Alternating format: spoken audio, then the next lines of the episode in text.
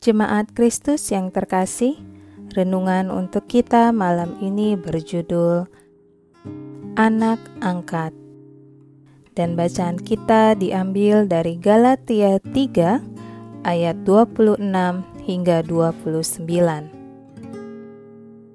Beginilah firman Tuhan. Sebab kamu semua adalah anak-anak Allah karena iman di dalam Yesus Kristus, karena kamu semua yang dibaptis dalam Kristus telah mengenakan Kristus. Dalam hal ini, tidak ada orang Yahudi atau orang Yunani, tidak ada hamba atau orang merdeka, tidak ada laki-laki atau perempuan karena kamu semua adalah satu di dalam Kristus Yesus. Dan jikalau kamu adalah milik Kristus, maka kamu juga adalah keturunan Abraham dan berhak menerima janji Allah.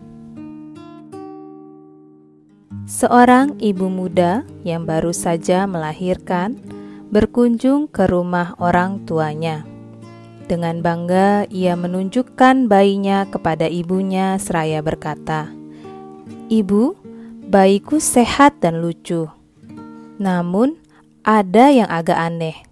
Rambutnya hitam sekali, padahal aku dan suamiku berambut kemerahan."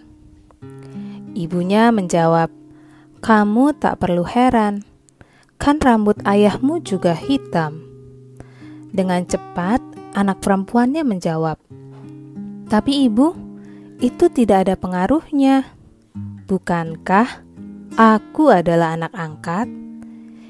Ibunya terhenyak, lalu sambil tersenyum menjawab, "Ah, aku selalu lupa akan hal itu."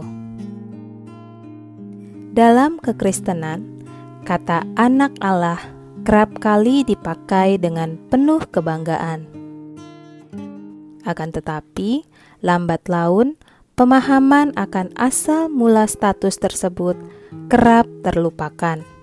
Kita lupa bahwa status anak Allah yang kita terima melalui iman tersebut adalah sebuah anugerah yang bermula dari penebusan Kristus. Dengan demikian, kita menjadi miliknya, didiami oleh Roh Allah dan menjadi ahli warisnya.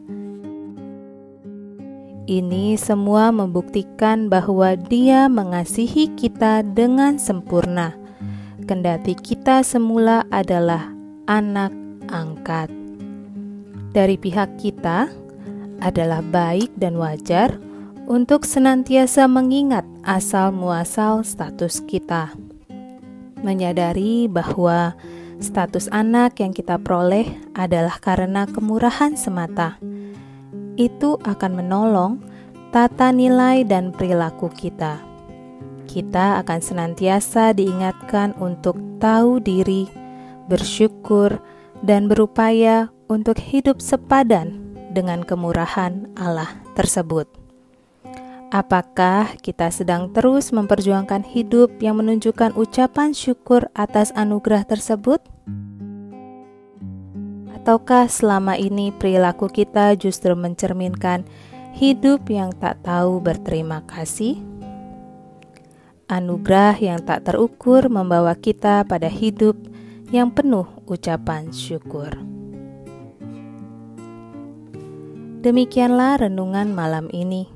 Semoga damai sejahtera dari Tuhan Yesus Kristus tetap memenuhi hati dan pikiran kita.